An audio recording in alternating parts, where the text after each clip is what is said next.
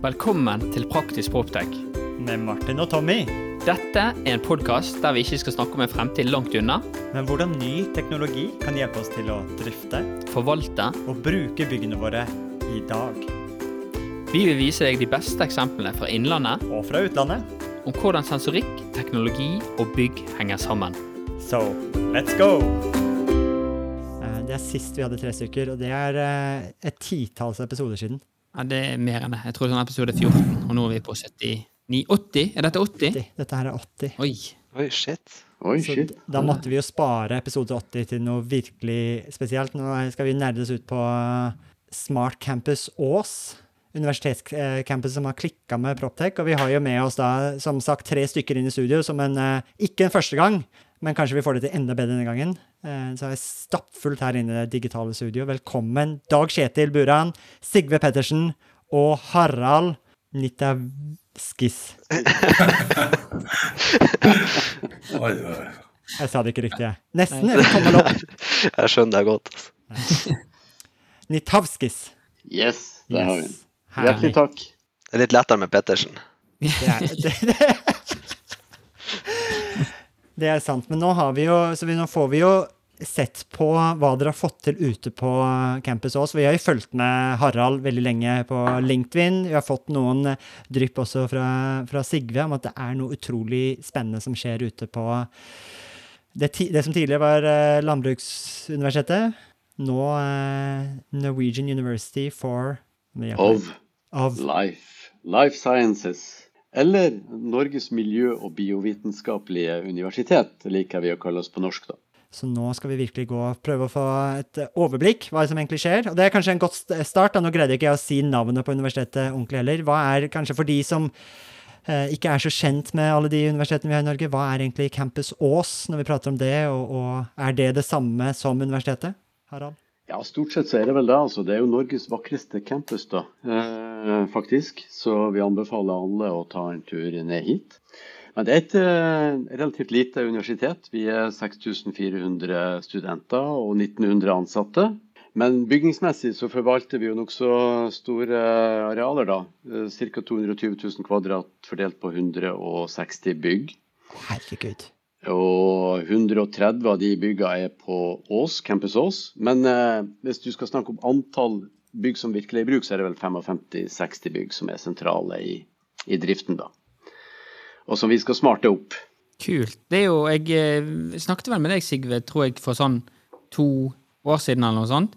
Eh, når dette startet. Og det var mye bøss rundt eh, Campus Ås, husker jeg. Og den gangen så hadde jeg ikke tid, eh, løpte jeg med masse andre prosjekter. Men jeg angrer jo veldig på at ikke jeg ikke tok turen bort. Er, og leser, vi leser jo, har jo lest masse pressemeldinger siden med innovasjonsprosjekter og alt. Men hva er det som skjer borte hos dere nå på, på Proptech-siden og teknologisiden? Ja, jeg skal svare. Vi, sånn Fra et overordnet perspektiv så kan jo si at eh, vi er jo et eh, miljø- og bærekraftsuniversitet. Og vi skal jo drifte som vi eh, underviser. Vi skal drifte på en miljømessig mer effektiv måte. Og eh, dette ble jo høyaktuelt i fjor med energipriser som eh, gikk eh, helt av skaftet. Så da fikk vi en veldig energifokus. Men vi har jo starta lenge før dette her, da eh, med en plattform for å samle data fra alle byggene våre inn i en felles datamodell. Så Sånn sett så var dette, den energikrisen den bare forsterka fokuset på det vi likevel måtte, uh, måtte gjøre. da. Um, uh, og Proptech er jo ofte ensbetydende med sensorikk, ekstern sensorikk, men vår strategi er jo å utnytte de dataene som allerede er i byggene, få kontroll på de, og supplere med sensorikk der det er behov for, eh, for ekstra data. Og da kan Dag Kjetil og Sigve si veldig mye mer om hvilke kilder og protokoller og hvordan vi gjør dette her, men, men det, tanken er en helhetlig løsning for hele campus i alle fall, å se arealutnyttelse og energi på tvers av bygg, ikke bare i ett eh, enkeltbygg. Så nå har vi jo det- eh, det, Til å gjøre det litt lettere for uh, lytterne også til å holde litt uh, orden på hvem som sier hva, hvilken kompetanse som kommer fra hvor som helst, så har vi jo Harald. Jeg ser for meg deg som stillingstittel på, på LinkedIn nå som Manager Digital Estates at NMBU. At du overordner prosjektansvaret for uh, Smart Campus Ås ligger på deg, og det er du som er, uh, står i bresjen på det. Og som skal, som vi kanskje kommer tilbake til, Tommy, skal jo på scenen på Proptic Summit om noen uker til å prate om dette her. Men så virkelig de som skal tilfredsstille protokollene og nerdene og ontologiene her, ikke minst Sigve, jeg ser på deg, så har vi da Sigve og Dag Kjetil. Og Dag Kjetil, jeg ble jo veldig glad når jeg så at din stillingstittel er fagansvarlig Proptech. Ja. Jeg har prøvd å pimpe det litt, da, fra skal si bygningsautomasjon og ja, den delen, da. Komme seg litt videre, da. Så det stemmer, det. Var det var det, det stilling... Nå står det egentlig Ja, fagansvarlig automasjon Ja. og IOT og Proptech, men jeg likte at det var fagansvarlig Proptech. Ja. Men hva er, det det, hva er det din rolle har vært i dette her, og din reise inn fra bare å være Um, fagansvarlig for automasjon til å Hvordan ser du på helheten på Proptech? Ja, altså, jeg er jo med i alt fra ja, planlegging av byggeprosjekter til prosjektering til ja, igangkjøring og overtakelse og litt sånn over i driftsfasen mot drift. Da, så sitter du liksom med innblikk i hele, alle prosessene som er i bygningene våre og alle systemene vi bruker. Og, måte, ja, hvordan vi skal prøve Vi har liksom prøvd å finne en strategi på hvordan vi skal anvende Proptech, hvis man kaller det det. Alt fra lysstyringssystemer til som er liksom, Så du tenker sånn standalone først, da. Med forskjellig teknologi til eh, ja, de systemene vi har eksisterende systemene vi har i dag. Da. Så, så er det jo det vi holder på med med den plattformen vår. Da. Hvordan, vi kan, hvordan kan vi utnytte de eksisterende fagsystemene vi har, da, alt fra byggnings- og automasjonssystemer til FTV, ja, driftsoppfølgingssystemer, energioppfølgingssystemer, alt mulig rart da, som vi har og som vi bruker eh, sånn i den daglige driften her. da.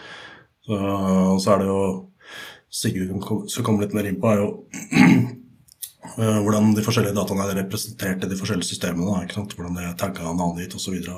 Vi trenger en eh, felles relasjon da, for å kunne navigere rundt. ikke sant? Så det er litt sånn strategi og ja, hva vi skal ta i bruk. og Vi har jo testa ut veldig mye kult da, som vi syns er spennende. ikke sant? Se litt hvordan vi kan, eh, hvor vi skal uh, applye det. da. Så ja. Jeg har en eh, topologiskjema foran meg. Eh, jeg tror ikke det er mer plass på denne powerpointen som jeg ser på akkurat nå. Men det er jo, det er jo Da vet jeg eh, hvilken slide du ser ja, på. du er. Jeg har fått mye, mye tyn for den da, fra Harald og sånn. Men, uh, ja. Men, men for lytterne så er jo det en snopekasse. sant? Her er det en, en, en det er på en måte en topologiskjema som viser der S-anlegg med, med både Siemens og, og Metasys for Johnson er liksom ut på ytterkantene. sant? Så det er jo fagansvarlig IOT og Proptech ble jo mye mer rett når du ser på denne her. For det rundt denne her eh, sjøen som dere har laget, der er jo det alt fra Dalux, energinett, til masse sensorer, til, til MaceMap med, med, som på en måte er navigering i bygg, til, til til og med Unreal Engine, som er vel eh, spill Det er jo laget for spill og sånt. Hva, hvis du skulle forklart, eh, Sigve, hvis du skulle gått litt inn på Jeg vet jo at du elsker termologi, og det vi har fått avklart på, på for, forpraten i dag.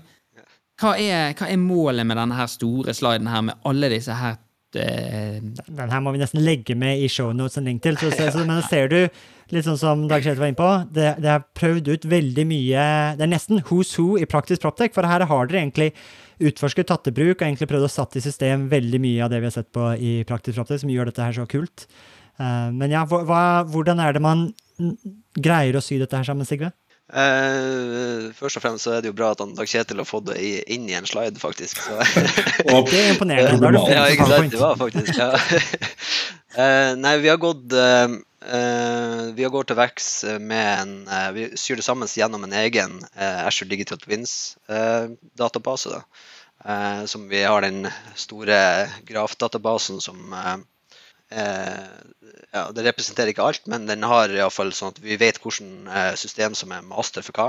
Eh, og så gjør vi tilknytningen til andre systemer der, da. Eh, så uansett om det er merka med Vi trenger ikke gjøre om merkinga som er nede i hvert bygg sin eh, kontroller og sånt, eh, for vi på en måte mapper det når du får det opp i skyen. da. Så eh, Derfor så er f.eks. Azure Digital Twins en sentral komponent inni den eh, skyen du ser i midten. da. Så det er der eh, dere vasker at i Johnson så heter det rom et eller annet, det andre heter det noe annet, og så vasker dere det til det blir et felles språk Ja. i skyen. Og, og, og deres på en måte definisjon av skyen det er egentlig Asher-miljøene. Så der bruker dere den Asher Digital Twin, Eh, er det hvordan kommuniserer det med, med alle disse rundt? Det, for jeg ser Her står det litt REST og litt MQTT. Og, så det er litt sånn etter hva dere snakker med, da? Vi bruker jo på en måte veldig mange av de Asher-komponentene, ikke bare det, men det er den sentrale. da. Eh, så hvis du skal ha, eh, Vi, vi prøver å implementere det eh, som bruker å kalles for en sånn independent data layer. En arkitektur som den Nexus Labs-podkasten har på en måte popularisert. da. Og da er på en måte den datamodellen og husinga av den på en måte det viktigste, en av de viktigste komponentene. Og det bruker vi Ashore Digital Twins til. Eh, og så er det eh, Vi har gjort mye research på å finne riktig utgangspunkt for datamodeller. Eh, for at vi ikke skal prøve å liksom lage noe helt nytt og, og, basere oss på det som er mest mulig implementert og standard. Og da har vi landa på Real Estate Core, og de har heldigvis underveis i prosessen vår slått seg sammen med Brick-schema. Som også er de, på en måte de to aller mest implementerte da, ontologiene. Jeg tenker der, nå, nå, er du inne på en av de temaene jeg tenkte vi skulle uh, se litt nøye, dypere på i dag. For vi har jo vi har gått gjennom, vi har stalka dere en del på LinkedIn. Vi har jo sett noen uh, presentasjoner dere har gitt uh, tidligere om arbeidet, om prosjektet. Det er jo veldig mye spennende som skjer, og dere tar jo Det er jo et forskningsarbeid også i forhold til hvordan dette her skal Hvordan skal man tenke uh, nytt? Gå fra, som Dag Kjetil hadde i sin stilling til, gå fra fagansvarlig automasjon. Hva vil det si at vi utvider det nå til Proptech, IOT, hvordan skal dette her faktisk samkjøre? Så jeg har fire nøkkeltemaer som jeg tenkte vi skulle utforske litt eh, dypere. Og Den første har du allerede begynt å diskutere litt, Sigve, og det er jo rundt dette med datasiloer og ontologier, hvordan, dataontologier, som det nesten filosofisk heter. Eh, andre tema som er plukket opp, som jeg tenker er litt spennende, er dette her med arealbruk, som er hundrevis av tusen av kvadratmeter med eh, areal dere er ansvarlig for. 160 eh, bygg. Hvordan veit en god driftsorganisasjon hva som blir brukt når? Eh, tredje er eh, digitale tvillinger som et driftsverktøy. Det har vi vært inne på, men er BIM pluss FTV sant? Vi har fått litt sånne tvetydige svar tidligere i podkasten. Det er veldig spennende å se om dere har løst den koden. Og så sist, men ikke minst, så prøve å løfte dette her når man har på en måte løst de områdene. AI i forvaltningen av bygg. For det er jo på en måte det end goal her, virker det også fram i mye av det deler. Hvordan kan dere ta i bruk eh, maskinlæring til å optimalisere byggene på kryss og tvers? Er vi klare til å dykke ned? Får jeg en sånn energisk ja? Ja! Ja! Da, Tommy, la oss gå inn i datasiloer. Men det er, jo, det er, jo, et viktig tema. Jeg føler at Dette her er jo noe som, som mange har snakket mye om. Eh, og jeg synes Dere har gått veldig konkret til verks. for Hvis vi igjen tenker på denne fantastiske Dag Kjetil, denne fantastiske powerpointen som du har laget, så er jo det helt klart, det blir jo veldig tydelig at her er det mange plasser data er lagret. Um, og det dere tenker på, er jo det at dere ønsker å samle data på, på én plass, med, med, lik vasking og lik merking. Stemmer ikke det? Eh, jo, men ikke nødvendigvis sånn at du tar det bort fra kildesystemene. Men på en måte at du skal kunne eh, En av de gode tingene med f.eks. Real Estate Core er at den, eh, den, har en god datamodell, men har også en spesifikasjon av et API. da. Sånn at du kan eh, mer sette som en sånn eh, koblingsmotor som eh, også gjør det mulig å hente ut på et standardisert sett, uten at du trenger å ta det bort fra kildesystemet. For de som aldri har hørt om Real Estate Core, hvis vi, liksom en kjapp intro, hva er Real Estate Core? Det er et konsortium av mange selskaper som har funnet ut at de har felles behov på å representere data på en enhetlig form. Og Derfor så har de gått i lag i, i arbeidsgruppe og beskrevet hva er datamodellen vi trenger for å representere alle denne dataene. Eh, og den er på en måte laga ikke bare av én enkeltvise programvareselskaper, men faktisk mest styrt av eh, eiendomsbesittere. Så Vasa, eh, Vasa Krona er vel det heter. Eh, mm. og, og, flere akademiske hus og sånt starta det i, Sverige. Eh, Entra har tatt i bruk i Norge og i tillegg til oss. da. Og da er det en eh, datamodell som alle er enige om eh, måte, definisjonene på ting og relasjonene mellom. Og så er det i tillegg eh, et spesifisert eh, Edge-API. Hvordan sender du dataene inn til denne datamodellen? Og et REST-API. Hvordan tar du data ut? Og da har du på en måte nok komponenter for å standardisere datatilgangen da, i et sånt her fellessystem. Men eh, fordi i hvert fall i en norsk kontekst så er vi jo veldig kjent med TFM fra Statsbygg. Hva er, hva er forskjellen? Er det to sider av samme sak, men en er norsk standard, en prøver å være litt mer generell, eller er, er det en dypere spesifisering i Real Estate Core? Men Martin, TFM Ja, beklager, Tommy. Ja, det er ikke lov. Tverrfaglig merkesystem. Vi, letter. ja. det er jo måten vi liksom har merket komponenter og, og program på i alle år. der vi alle, alle som snakker flytende TFM, de vet jo at en tilløpsføler, eller uteføler, har jo hatt mange navn, men det er 401 som er siste på ute, utetemp. Så 901 er det, da. 901 er nå. da. 401. Kjetil er eh, Skada. var bare språket. Tommy skulle sjekke litt om Dag Kjetil var det var en eh, våken der. JV vifter, sant, og JP pumper. Og, så, så det er jo TFM. Så hvis du tar det litt mot, mot Real Estate Core, Sigve Sigve Um, TFM iallfall den, eh, den historiske versjonen. Nå har det kommet en ny versjon ganske nylig, eh, men den har jo ikke hatt noe Hvis du vil eh, vite hvor temperaturføleren står hen, så har den ikke hatt noe særlig god måte å beskrive det på. Det er mange som har begynt å lagt til ting i tekststrengen eh, du får eh, med TFM i den og sånt for å annotere det. Men det er en ting du får rett ut av boksen fra Real Estate, Core og sånt. Eh, Og så er det ikke Når man sammenligner, så er det jo typisk eh, sånn at man begynner å lure på om man kan erstatte det andre, men det er jo ikke samme brukstilfelle. Eh, Det er jo typisk eh, start med helt andre formål, ikke sant. Så Real Estate Core har jo kommet etterpå for å prøve å integrere veldig mange datakilder og bygg. Så f.eks. å gå ned på hvilken type At det er celsius temperatursensoren faktisk snakker, eh, er sånne ting som er detaljgrad vi finner i Real Estate Core. Men ikke nødvendigvis sånn at du får det av tekststrengen på TFM. Så sånn som jeg eh, tenker på TFM, er det mer en identifiserende, eller sånn en ID til en komponent, f.eks. Eh, som går på hvor den, hvordan bygg, ikke, ikke rom, eh, og hvilket system den tilhører, og hvilken komponent i det systemet.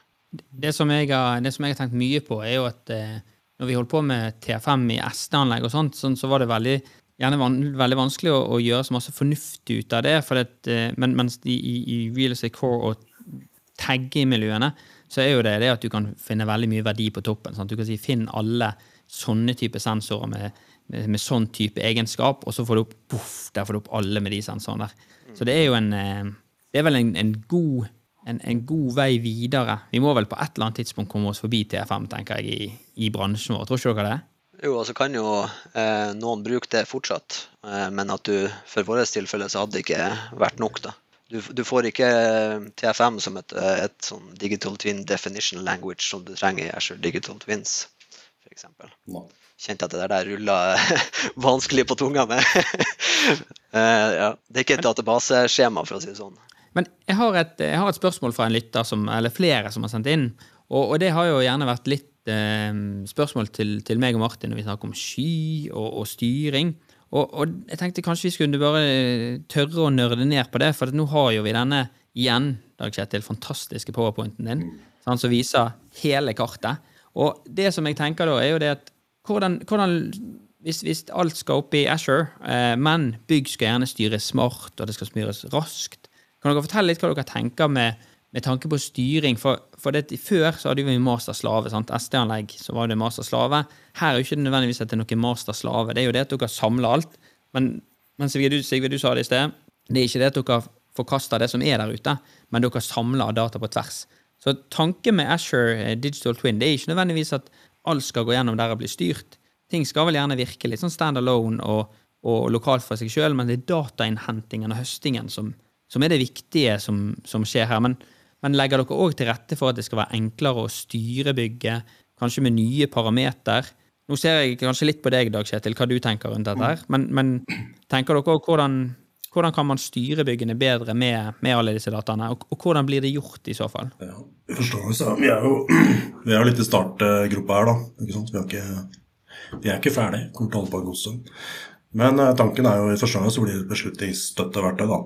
Så første steg, ok, hva, eh, hvilke systemer skal vi hente data fra? Ok, Hva må, må vi gjøre med de? Ok, de må, Kanskje de må oppgraderes da, for å så komme på API-nivå. da. Du ikke er nede på kontrollernivå eller baknett eller noe sånt, som har et standardisert åpent eh, API, da, prøver liksom å løfte, løfte det dit, sånn at du får et sånn generisk, litt mer sånn generisk system. Da. Men ja, etter hvert da, så vil det være mulig å også kunne styre tilbake. Da. Men det kan hende at vi sannsynligvis så blir jo legge på litt smartness på, på, på beslutningsstøtte verktøy som, som, vi har, da. Som vi første gang, tenker, tenker jeg. da. Kanskje mapping av tags, da, ikke sant, for eksempel.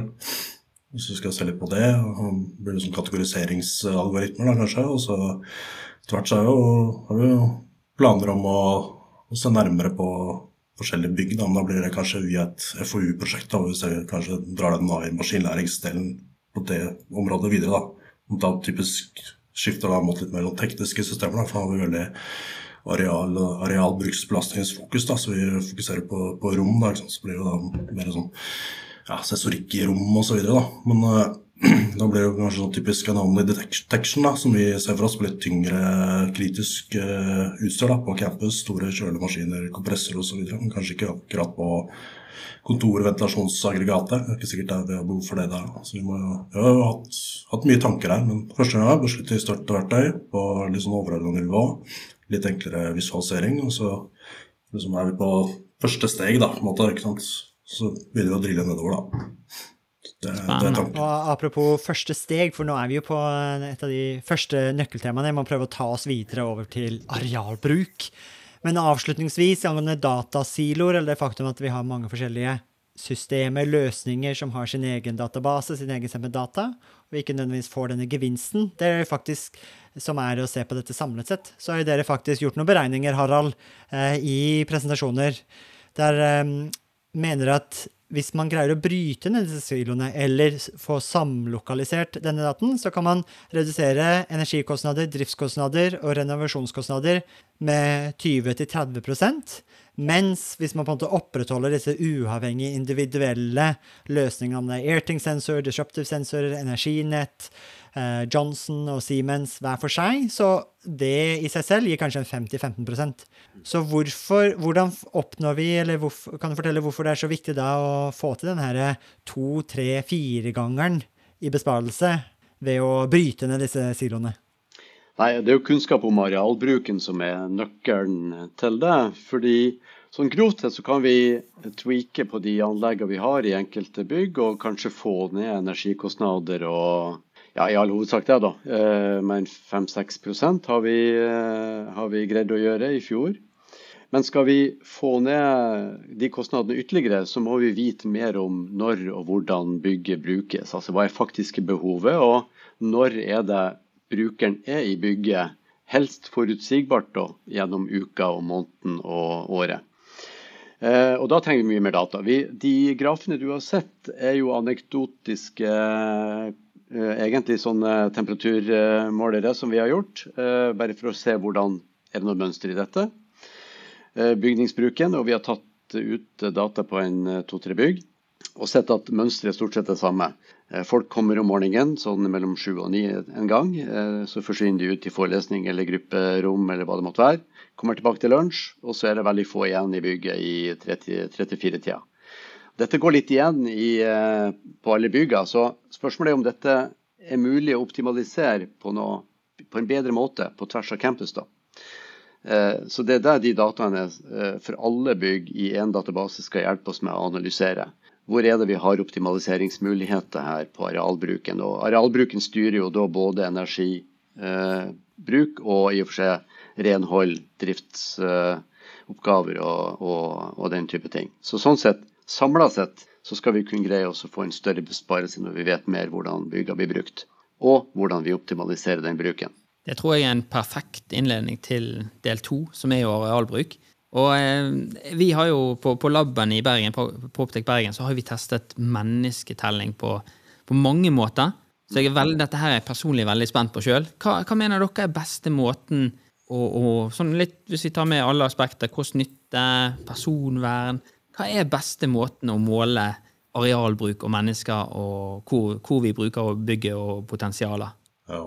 Personvernet. Det, Ja, det er, en det er, det er er nøkkelordet. stor jobb, det. Altså, Hvis vi, hvis, la, oss begynne, la oss begynne uten personvern og uten eh, hva, hva erfaringer har Hvis du tar erfaringen dere har hatt med Hvis vi tar Hva har dere brukt for å telle mennesker? Jeg mener jeg har så både Wifi og CO2 i hvert fall. ja, jeg har prøvd noe kamera og sånn, men det er jo litt sånn kost-nytte. da. Det er ganske, blir jo fort veldig dyrt da, hvis du har, eh, har et stort areal med tre-fire dører, og så skal du sette et uh, thermocamera over hver dør, så koster det fort veldig mye penger. Er det det vi har brukt for? Det er ikke sikkert vi trenger egentlig å vite akkurat hvor mange mennesker som er inne i rommet. Det, det er ikke like interessant for oss. Det er mer kanskje den relative utgiftsgraden da, sett opp mot uh, man, man, man må jo benche bygget, eller du må ha noen input parameter for bygningen. Da. har altså nettopp ok, kanskje bygningen er i bruk fra sju til tre. Kanskje vi setter det som arbeidstid, så kan vi jo det er i prinsippet på en enkel måte måle hvor ofte disse fellesarealene, møterom, lesesaler osv. er eller undervisningsarealer som vi skal se på, da, er i bruk. da, Uten å måtte telle eksakt. Her har det vært 30 stykker. Eh, Så det er det vi ser på. da, vi har, i hvert fall så har vi starta med Cisco her da, på campus, da, som er eh, ganske ålreit av flere grunner, egentlig. Vi har jo testa DNA Spaces, heter jo den eh, IOT-plattformen deres. da, og da kan eh, teller du antall wifi devices som er i bygningen eller etasjen. Så får du en count, da, så, ja, så kan man jo liksom luke ut de SSID-ene som er stasjonære ting, og så må man kanskje dele på 1,5 da, for å få sånn cirka antall mennesker. men ja, Vi får i hvert fall da bruksprofilen til bygningene, og de fleste bygningene begynner liksom å komme seg opp og liksom bytte av fra de gamle Aruba-switchene til nye access points. Så det er liksom på toppnivå, da. Liksom. Og så hvis du skal ned i rommet, så blir det aktuelt eh, F.eks. når vi titta på de sensorene vi allerede har da, fra legacy basesystemene. ikke sant? Ok, Du har tilstedeværelse, du har typisk CO2, du har temperatur. Da er man ganske langt der da, sånn, for sånn relativt overblikk over eh, bruken helt på romnivå, hvis man ønsker det. Ja. For, for på DNA Spaces får du kun byggnivå, eller kan du faktisk Etasje. eh, få hvor mange Du får per etasje. Ja, du gjør det. Også. Så da er det basert for at alle går rundt nå med enheter som kommer seg på så lenge, skolenettverket. Ja, den sender en lifebit uansett. Om du ikke er kobla til noe SSID og sånn, så ser den at du har med deg en telefon og en PC. Og- det er Så du må ikke engang være koblet på Nei. Wifi for å bli telt. Nei, jeg tror ikke det. Og så er det jo, vi anonymiserer dataene apropos personer en GDPR, da, så vi kjører ganske sånn omfattende prosess med ROS av hvert eneste grensesnitt som vi skal ha inn i vår plattform, da, annet Cisco. Da, så da blir det anonymisert før de kommer til oss for en Da ser ikke vi MAC-adressen, så jeg kan ikke kan, kan ikke tracke Harald rundt lenger da, i, på campus. da. Så, Det er vel, men å bruke grensesnittet nå til Cisco, Tommy, det er vel noe dere har testa i Proptech Bergen nå? At det er ganske intuitivt lett å få ut data, ikke bare i brukergrensesnitt, men også gjennom API-et, og da blir vel Sigve fornøyd at vi kan få det praten om andre ting. ja, ja. Jeg kommer rett inn i den fine topologien. Så, og vi, vi har jo testet det litt, og hvis ikke jeg tenker, jeg husker helt feil, så hvis du har, så du har ganske tett med, Ja. med disse ruterne, så mener jeg at, at vi kan vi, Testen vår har vært at du klarer ca. tre meter, både vertikalt og horisontalt. da. Men du klarer å, å finne ut hvor mennesker Ja, er. det, Og, ser du på heatmap, De representerer det på en heatmap, da, som er en sånn snapshot. Mens vi eksporterer det det er- Du kan sette opp en sånn dataeksport til Cisco. Da, som, det er ikke et API, egentlig, da, men da får du en rapport da, i SVF-fil-format som dempes da til Asher Blood da, i vårt tilfelle. Da. Så har Sigmund lagd en sånn funksjonalitet for å pakke ut dette prosessere det videre. Da. For det er jo, det er jo, mye, det er mye prat rundt eh, liksom det å telle mennesker. Jeg tror mange det, Covid vi gjorde jo nok at man ble bevisst på det. Og en sånn evig diskusjon vi har her på, på Proptech Bergen, er jo på hva nivå skal vi telle mennesker? Skal vi vite at møterom er i bruk, eller skal vi vite at det er nøyaktig hvor mange som er, er der? Sant? Vi har jo disse og pultsensorene til Disruptive, som med, med de nyeste versjonene med en algoritme. Men du har òg Airthings med CO2, med en sånn prediktivt hvor mange som, at det rommet er i bruk, og hvor ofte er det i bruk. Og så har du òg sånn som at Wifi. Sant? Og det er jo Jeg mener kravet er, Martin, bare at du må bare ha på at han søker etter et nettverk. Du trenger ikke være innlogget, men så lenge han søker etter et nettverk, så vil han sende en heartbeat. Um, så det er ganske um, Men hva vil dere si er, liksom, hva, er det beste, hva er detaljnivået vi trenger? Er det at hvor mange som er på bygget, eller er det på romnivå? Det er jo det er bruken, da, romnivå. Altså bygget, ok, som Harald har jo pesta nå, eller påstått om uh, snapshot da, som er lagt ut. Sånn, okay, klassisk uh, for en eller annen bygning da, hvor du har et tungt hus og skal spare energi, så trenger du ikke å vite hvor mye mennesker det er, men du trenger å se det kommer ikke før, før klokka ni, og det går før klokka tre. Ventilasjonsaggregatene starter klokka seks, og de stopper klokka ni om kvelden. Da er det ganske mange timer å gå på, da, med å enten endre luftmengde eller stoppe de og starte de annerledes. da. Så det er liksom eh, kanskje stor gevinst å hente der, da. Og så er det jo for vår del så er det egentlig bare Vi ser ikke for oss å måtte telle mennesker, egentlig. Vi er interessert i å se hvor ofte rommene er i bruk, da. For jeg, det er jo en eh, Jeg føler liksom det med mennesketelling, det er hett. Og eh, de siste konferansene meg og Martin har vært på, så møter vi veldig ofte advokater, faktisk. Det er blitt motpolen. Nå ikke motpolen at det skal være trådbundne sensorer og, og Modbus og lån, men motpotene har på en måte vært at er, det, er, teknologien blitt så bra at dette begynner å bli litt skummelt? Mm. Og det var vel denne uken her, da var det òg ute Forskerforum. Da hadde de oppe med personvernekspert som mente at Shit, pulter under sensorer. Da har vi gått for langt. Sant? Nå kan vi se når Harald tar yogaøvelsene sine på pulten. Da går han vekk og frem og tilbake. og Vi kan time hvor lenge, hvor lenge dobesøket er.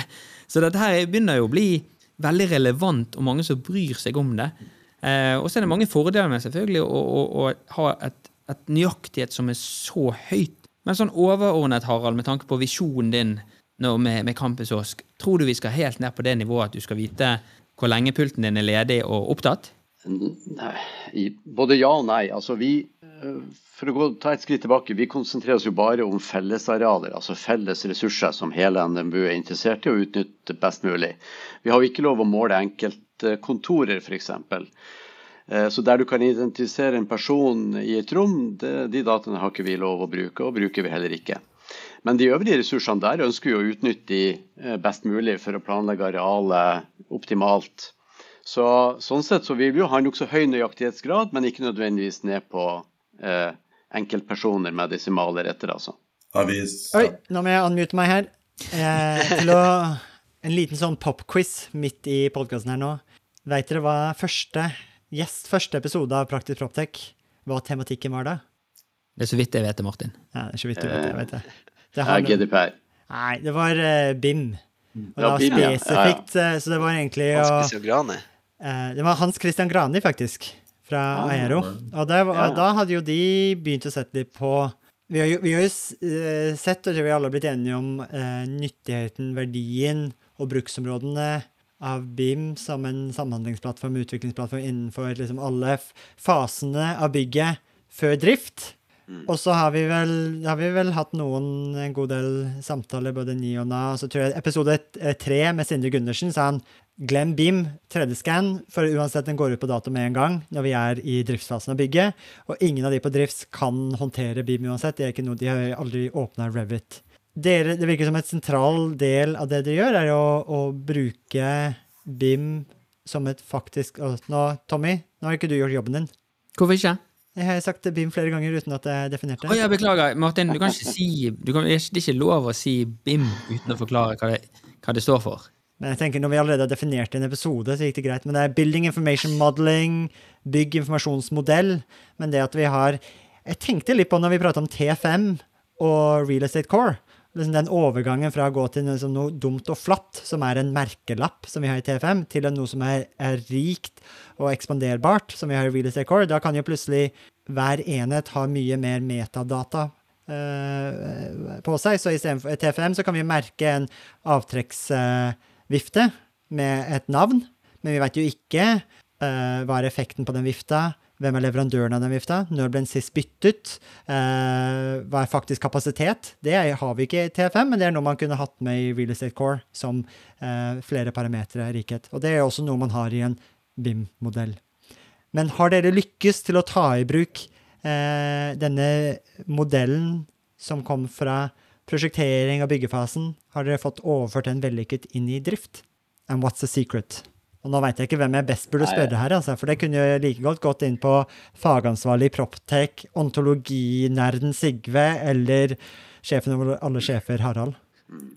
Jeg kan jo begynne kort da, med at vi overførte en veldig stor modell fra Veterinærbygget, som er det nyeste og det største som vi har mottatt noensinne, eh, fra Statsbygg sine prosjektsystemer og så over i et eh, FTV-system som vi bruker, som heter Dalux FM.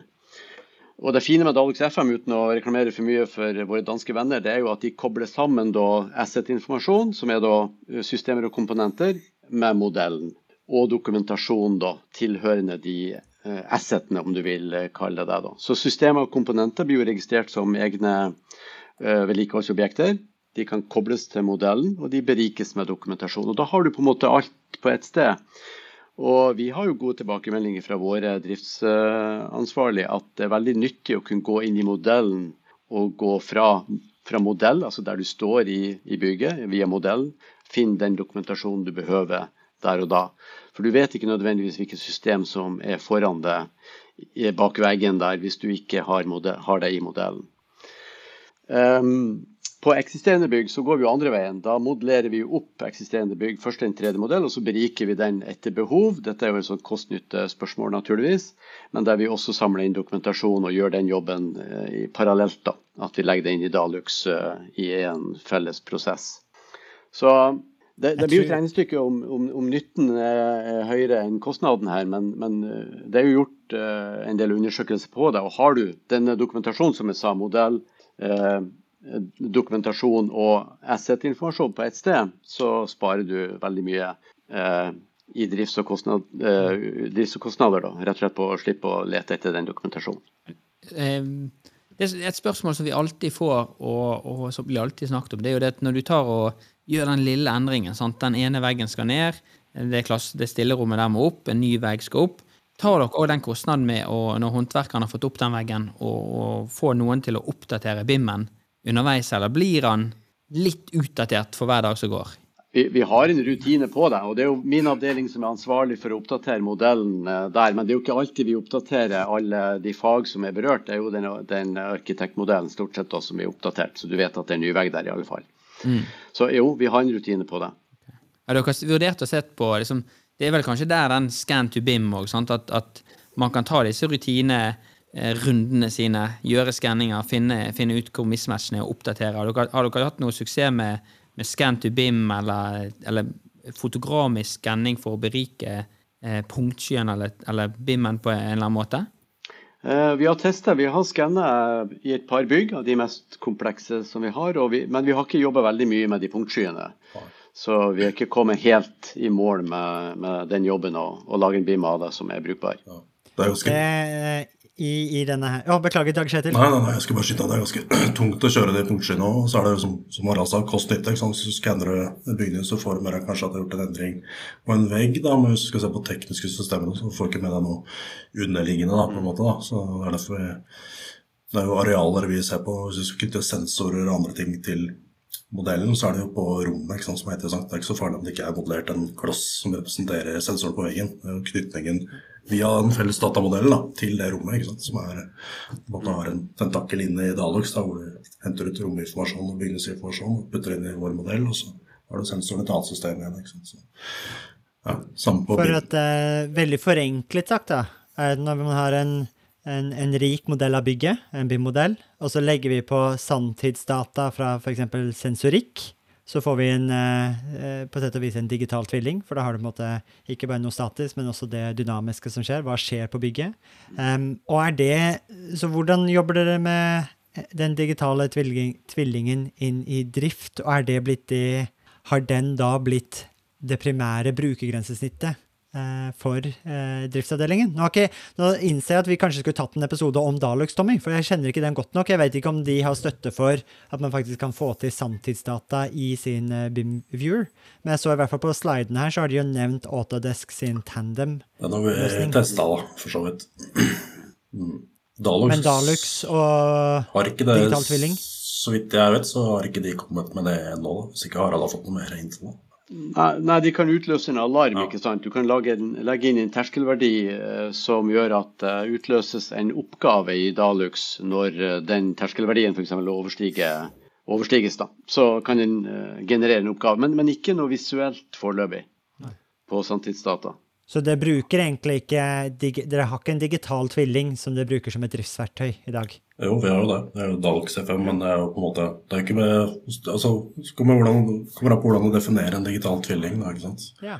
Så, men da, hvordan ville dere definert det? da? Kanskje jeg har feil definisjon? Ja, så Du kan jo definere som en uh, altså, Ja, hva skal jeg si for noe? Våre metadatamodell det er jo en digital tvilling. Den representerer en datamodell av bygningen. Mens BIM er jo da på en måte en, en eh, fysisk representasjon av bygningen da, med bygningselementer, dører, vinduer, kabelbruer osv. Begge de to er en digital tvilling. da. på en måte, så. Ja. Men Jeg hengte meg opp i, kanskje fordi min sensor, jeg er sensorskadet, så jeg hengte meg at, eh, at liksom Ja. minstekravet for en digital tvilling, da skal det være sensordata der også, men det er jo ikke det. Det trengs jo nødvendigvis det, da. Kanskje vi må bruke ordet live digital tvilling. Ja. Så, Ja, Så en det- død, er ikke- en død digital tvilling, og så en levende digital tvilling. Ja. Men det er jo det Jeg syns sånn du hadde en ganske god eh, definisjon, men, eh, men samtidig så er det ikke nødvendigvis sånn at det, det erstatter jo ikke Dalux. Nei, Eh, Så Dalux er jo en, en masterdatakilde til den digitale tvillingen som vi representerer i, i Azure. Mm -hmm. Og så vil det være eh, kilde til flere brukergrensesnitt, som f.eks.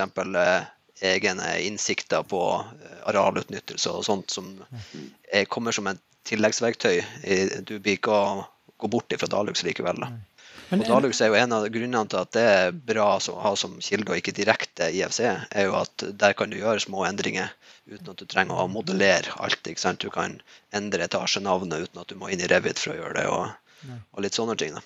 Men kan du flytte tenker- på vegger også i Dalux? Gjøre de små endringene som Tommy nevnte? Ja, du kan det også der. Men vi, vi velger å gjøre det i Revit og Arkikad. Ja. Så du får det tilbake til, eh, til masterfilen, på en måte? Ja. Ja. Vi, også Beklager. via EFC. Det går bra. Men, men altså, jeg tenker at det er en viktig distinksjon der med live uh, digital tvilling. fordi det eneste vi mangler, er vel egentlig den live-komponenten fra Smart Campus da, inn, i, inn i Dalux. Og, og den kommer jo på et tidspunkt. Men, men allerede i dag så kan vi som sagt utløse eh, oppgaver eller eh, aktiviteter i Dalux basert på en eller annen verdi som kommer da fra et målesystem. Så, så, så det, det er litt sånn halvveis, nesten der. Det er jo litt sånn, eh, Av og til så, det, så ønsker man seg noe, eller man tror man ønsker seg noe, og så er ikke det alltid at eh, det man ønsker seg, var det man ville ha. Og, og den, eh, det er noe som har gått litt sånn i hodet mitt av og til. For hvis vi går tilbake til 2016, sant, når vi begynte å snakke om disse digitale tvillingene og live digital tvilling, og én plass sant, rett en sensordata og så Samtidig ser vi mobilapper sant, som blir laget enkle widgets sant, som bare viser deg akkurat de dataene som du trenger. Og så har vi mange brukere av et bygg. Sant? Vi har eh, leietakeren, vi har økonomiansvarlig, bærekraftsansvarlig, masse ESG-data som skal ut. Vi har driften, vi har økonomisjefen, sant? vi har markedsansvarlig. Så mitt store spørsmål oppi det hele er jo er, det, er vi fortsatt, Tror vi fortsatt at, at det er liksom ett brukergrensesnitt for alle til bygget? Det er den digitale tvillingen. Eller begynner dere å se litt at nå når dataene er i datasjøen deres, dere kan jo gjøre hva som helst, er det det at vi kanskje skal ha forskjellige grenser for de forskjellige brukerne? Jeg tror definitivt det, det siste. ja. Jeg tror det, det å tenke formål for, eh, for bruk av data er veldig viktig, og ikke tenke at du må ha det på én plass. Det er jo litt, det er jo litt sånn som uh, istedenfor å logge seg inn i nettbanken din sant, for å sjekke kursen på den ene aksjen du kjøper, så er det veldig enkelt å bare ha en sånn ticker her bak, sant, og så kan du se at jo da, Flyr-aksjen den gikk ikke så veldig bra likevel i dag. Men du slipper liksom å logge deg hele veien inn, der du får mye mer data, men du ønsker kanskje bare den lille, den lille der. Men når vi snakker om dette her Beklager, Sigve. Nei, jeg har lyst til å, Det der er veldig interessant, og det er en av grunnene til vi har eh, lagt det inn i arkitekturen vår. At eh, du vil på en måte ha et nivå av fellesressurser for de der appene. ikke sant? Og Derfor så er den eh, API-et ut, og at det er standardisert, er viktig. da. Sånn at du skal kunne på en måte, Alle skal ikke trenge å integrere helt ned til Metasys. Eh, For det, da må på en måte alle som er gode på brukergrensesnitt, bli veldig gode på, på en måte, det han Dag Kjetil er kjempegod på. ikke sant? Mm. Eh, Men vi vil ta den dataen ut og gjøre den tilgjengelig over et REST-API. Og det bruker som regel de som er gode å lage eh, brukergrensesnitt, eh, også være god på. Ja, og jeg er helt enig. og Her kommer det mange flater. altså. Vi, har, eh, vi bruker Power BI til å publisere veldig mye statistikk internt på NMBU i andre sammenhenger, økonomi og ansatte studenter osv. Og, så og det skal vi også gjøre på bygg, sånn at eh, de dataene blir tilgjengelige for holdt på å si, eh, allmennheten her på, på NMBU. Så har vi det som skal pushes til, til Dalux, til driftsfolka. Så skal vi pushe noe til renholdsappen eh, som vi bruker, og noe skal ut til publikum og leietageren. Og Her er det forskjellige flater, bare litt forskjellig informasjon og, og litt forskjellige KPI-er vi skal si, måle da, for å se om vi blir bedre eller dårligere. Så, og Dette er jo en stor oppgave, egentlig, og stort lerret å, å, å male, så dette kommer vi til etter hvert, da, når vi får kontakt med brukerne våre. Ja. Så har vi jo FoU-miljøer da på campus som bruker våre data i prosjekter til masterstudenter til andre ting. Så de er veldig, ja, supporterer de også, så det er jo som et element oppi det hele. da. Mhm. For, for dere ta, La oss ta et steg tilbake og bare se overordnet på eh, Smart Campus Ås og bakgrunnen her. For dere gjør jo nå Dere skal jo utvikle en, en unik løsning, og da antar jeg at dere så i markedet ser faktisk det vi prøver å sy alle disse forskjellige siloene sammen. Det finnes ikke gode nok løsninger på, så her må vi faktisk gjøre litt forskning og utvikling selv, og det er der dere har fått eh, støtte både fra Enova. Da tenker jeg at da er jo eh, gevinsten her energibesparelser. Og så har dere fått forsknings- og utviklingsmidler her til å sette noe sammen. Men hva er, hva er denne plattformen? Litt tilbake til det Tommy sa. Er det da en plattform med mange forskjellige fjes, eller mange forskjellige brukergrensesnitt, avhengig av hvem som bruker det, men alt er samlet? Eller hva er kjernekomponenten av hva dere Hva er det som er nytt, da? Som dere eh, utvikler, versus det å på en måte ha Disruptive Airtings Energinett, Metasys, Siemens eh, fra før av. Ja, så det er, det er jo det Vi ønsker å eie dataene sjøl og infrastrukturen. da. Ser at det, det er en stor verdi i det. Og ikke være, være på målet. som Sigve sa, vi lager et, streber etter å lage et independent data layer da, med et, med et API ut da, som gjør at vi, hvem som helst skal kunne komme og eh, tillegge funksjonalitet til vår plattform. Det er ikke sikkert vi skal lage all Eller vi kommer ikke til å lage all brukergrensesnittet selv. Vi lager jo kanskje enkle brukergrensesnitt i Barbie eller Adex Dashboard, sånn som vi ser på nå. eh, for å komme i gang, da. Men uh, vi ser for oss at det er på en måte det vi skal drifte. da. Det er sånn tidsseriedatabase, oppdatere tvillingen, berike tvillingen, nye integrasjoner, holde ja, la, eh, se i stedet, da, holde integrasjonen, liksom overvåke integrasjonene, holde liksom, infrastrukturen oppe. da. Men hadde Når, tenkt når vi, litt gjorde, vi gjorde en eh, sånn eh, forprosjekt der vi analyserte markedet for deg, og det var typisk sånn at eh, det fantes eh, forskjellige som gjorde en god del av det vi ønska å få til, men som regel så måtte du kjøpe en hel suite av eh, applikasjoner i tillegg, da, som eh, på en måte ikke eh, Men du fikk ikke API-et, ikke sant. Um, så det var en av de eh, liksom Det å ta kontroll var på en måte Da ønsket du å bygge plattformen for å tilgjengeliggjøre det API-et. Sånn at du kan det er liksom, det, jeg tror ikke det er noen som leverer en independent data layer for de forholdene vi snakker om. Da. Og det vil også si at vi ønsker jo å bytte ut, f.eks. hvis det kommer noen bedre energioppfølgingssystemer, så vil vi bytte ut på en standardisert måte. Eh, så at det blir bare plugga inn, og så har vi historikken uavhengig av det. Men hypotetisk, da, hvis alle de leverandørene, alle disse komponentene som skal til, alle de tekniske anleggene som skal til for å få et bygg i dag til å fungere, hvis de hadde alle levert data på en standardisert måte i henhold til Real Estate Core, hadde mye av jobben deres da ikke vært nødvendig, fordi vi, man allerede hadde standardisert på da, den datadelingen? Er mye av det bare å oversette fra forskjellige API-er og protokoller, så man får det på et standard format i en standard tidsseriedatabase? Ja, det kommer jo an på. Jeg tror det er en ny posisjon av et type verktøy. Eh, Altså det med independent data layer, det har nå kommet flere og flere som, som, som har produkter innenfor det området. F.eks. Mapped, eh, australsk eh, selskap, og så tror jeg også kanskje Proptech OS er, er ganske nært den definisjonen. Eh, Så det kommer flere og flere. Det er en ny produktkategori som lar deg på en måte bli et operativsystem som lar deg ta styring over egen data for alle byggene dine. Typisk hosta i en plattformleverandør som Asher eller Google eller noe sånt. ikke sant? Men som er uavhengig av hvilken skyleverandør òg. Du, du Ja. gjør det egentlig uavhengig av leverandører fra, på alle sider. Ja, og så muliggjør du innovasjon eh, som gjør at du ikke nødvendigvis er, er du, Eller du er ikke avhengig av f.eks. at eh, en tredjepart som du ønsker å eh, ta i bruk, da, må snakke med f.eks. Dalux, da, som brukes i dette tilfellet. Eh, Pga. at de kan snakke direkte med et eh, API som, er- som er av, uavhengig av dem. Da. De får tak i dataen likevel og kan berike data uten at de må på en måte være i partnerskap med en eksisterende leverandør. Da.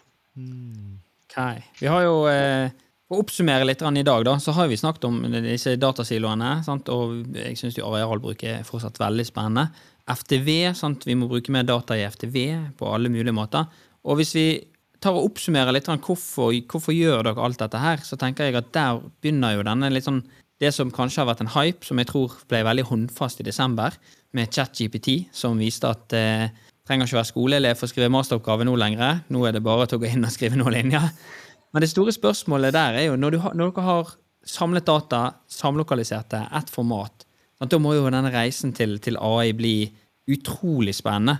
Har dere noen erfaringer så langt, eller noe deling så langt på, på hvordan dere kan bruke disse dataene og putte på litt smartness og få litt hjelp av disse virtuelle assistentene våre?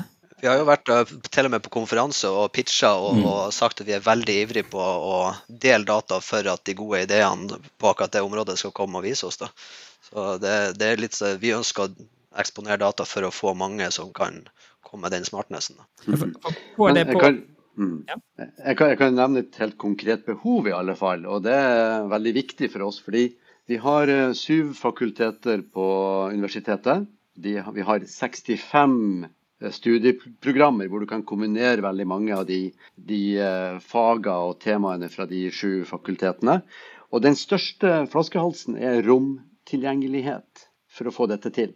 Så det er klart at Kan du putte litt AI på toppen av alle tilstedeværelsesdataene vi har på de rommene som brukes til undervisning, grupperom, eh, labber, den type ting, og, la, og løse dette, denne flaskehalsen for oss, så er det jo en kjempegevinst i, i det.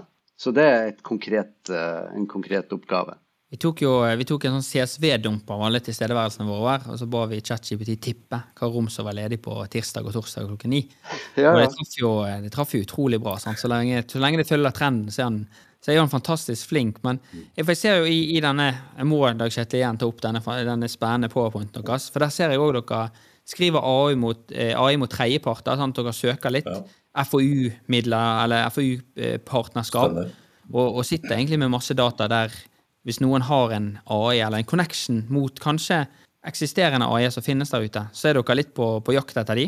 Ja, for så vidt. Altså, vi er jo med i noen søknader nå som er ute, for så vidt, som går mer på, går mer på energidelen av det. da. Så vi har sett mye på ja, populært uh, uttrykk som heter nabolag, da, for eksempel. Ikke sant? Nå er det jo ja, hvordan man vi skal, som Harald snakket om, da, så suboptimaliserer alene på det systemet for det bygget, så får du kanskje uh, får du en gevinst. Men hvis du da ser alle, eller campus også som et nabolag, da, i hvert fall store deler av det, så kan vi få ut mer, mer energi. Vi vi flytte, flytte liksom energibehov fra bygg til bygg. da. Eller hva skal si, der, der det er behov, da. Så kanskje på den siden vi ser at det kan, kan være noe spennende. Uh, energiflex osv. Så, videre, så er det jo sikkert mange, mange mange andre områder som ikke vi har tenkt på. Men uh, ja. Det, det, blir jo eh, Vi, vi hinta litt i starten av episoden at eh, det er mer vi skal dele på Proptech Summit 27.9. i Oslo, på Retrofit Bonanza-scenen. Da kommer det en annen statlig aktør som har slått litt på stortromma og brystet og sagt at vi skal være best på Proptech, og det er Statens vegvesen. Og her eh, vil jo, så vidt jeg kjenner til med hvordan ting er organisert i AS Norge, så er vel også universitetene statlige? Ja da, vi er jo selvforvaltende, da. Så vi eier jo vår egen, egen bygningsmasse hver for oss og forvalter den uh, så godt vi kan. Så, så, sånn sett så er vi jo en statlig eller offentlig institusjon, men vi har våre egne budsjetter og våre egne bygg. Men det er vel, Så det tar opp konkurransen da med Statens vegvesen til å se hvem er den beste statlige aktøren på Proptech? Ja, det er jo oss, det. Absolutt. På stående fot. Ja, ja. det er en Jeg tenker med, med den uh, sunne konkurransen mellom uh, statlige aktører i Norge, så har vi nok kommet til veis ende til nok en episode av uh, Praktisk Proptech for denne gang. Beklager. Det har jo vært utrolig gøy og uh, vært så mange i, intimt samtale her i studio. Mitt navn er Martin. Mitt navn er Sigve. Mitt navn er Harald. Mitt navn er Dag Kjetil. Muta meg. Du er, du er muta. You fucked it up. Ok, men det var bare en test. For å se om dere kjente det.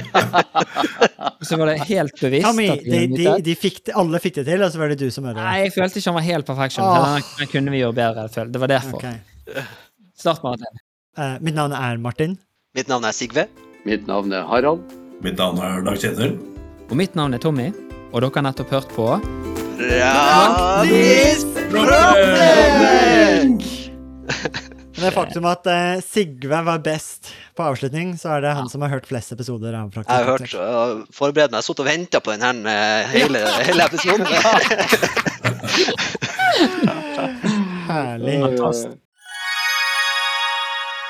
Da dere er 2024 i gang, og et av høydepunktene på starten av året er jo sett sammen et årshjul, og det har vi også gjort, Tommy. Ja, Akkurat nå sitter jeg og ringer rundt 25. og 26. april, for da skal vi på FTV-kongressen. Og det blir litt ekstra spesielt i år, Martin.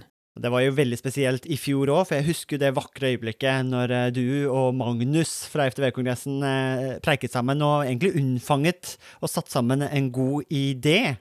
Og det var jo invitasjonen til eh, Proptech-dugnaden, som også blir et høydepunkt i år, ikke sant, Magnus, på FTV-kongressen 2024. Jo, det stemmer det. Vi setter godt med plass eh, i år til, eh, til dugnaden. En god og sprø idé for å sette praktisk proptech ut faktisk i livet og vise hva vi får til, ikke bare fortelle. Det var, jo, det var jo veldig gøy, for jeg husker da jeg skulle pitche dette til deg, så tror jeg du avbrøt meg og bare sa 'vi er med'. Og når vi var på dugnaden, så sa du òg at Tommy, dette her må vi ta med oss tilbake på FTV-kongressen. Vi må jo praktisk få dette vekk fra Powerpoint og vise praktisk hvordan vi har gjort det. Og det syns jeg blir litt spesielt i år, at det blir jo for meg en liten reunion av det som skjedde der ute. Men, men eh, FTV-kongressen er vel mye mer enn en, bare en reunion òg.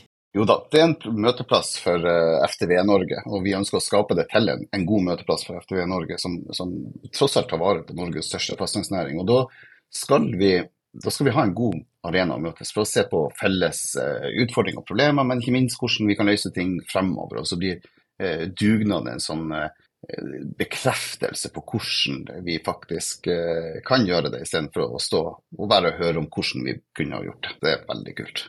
Og januar er jo en gavemild måned, så hvis du brenner for bedre drifting av bygg, så kan du få med deg en liten eh, rabattkode her også, så møtes vi kanskje 25.-26. april på Tung kongress Gardermoen, og den rabattkoden er ikke vanskeligere enn Praktisk Proptech med små bokstaver og uten mellomrom. Praktisk Proptech. Praktisk proptek små bokstaver, ingen mellomrom, ett ord. ftvkongressen.no, der ser du programmet, det blir oppdatert i disse dagene, og så møtes vi i april. Vi Vi ses! ses!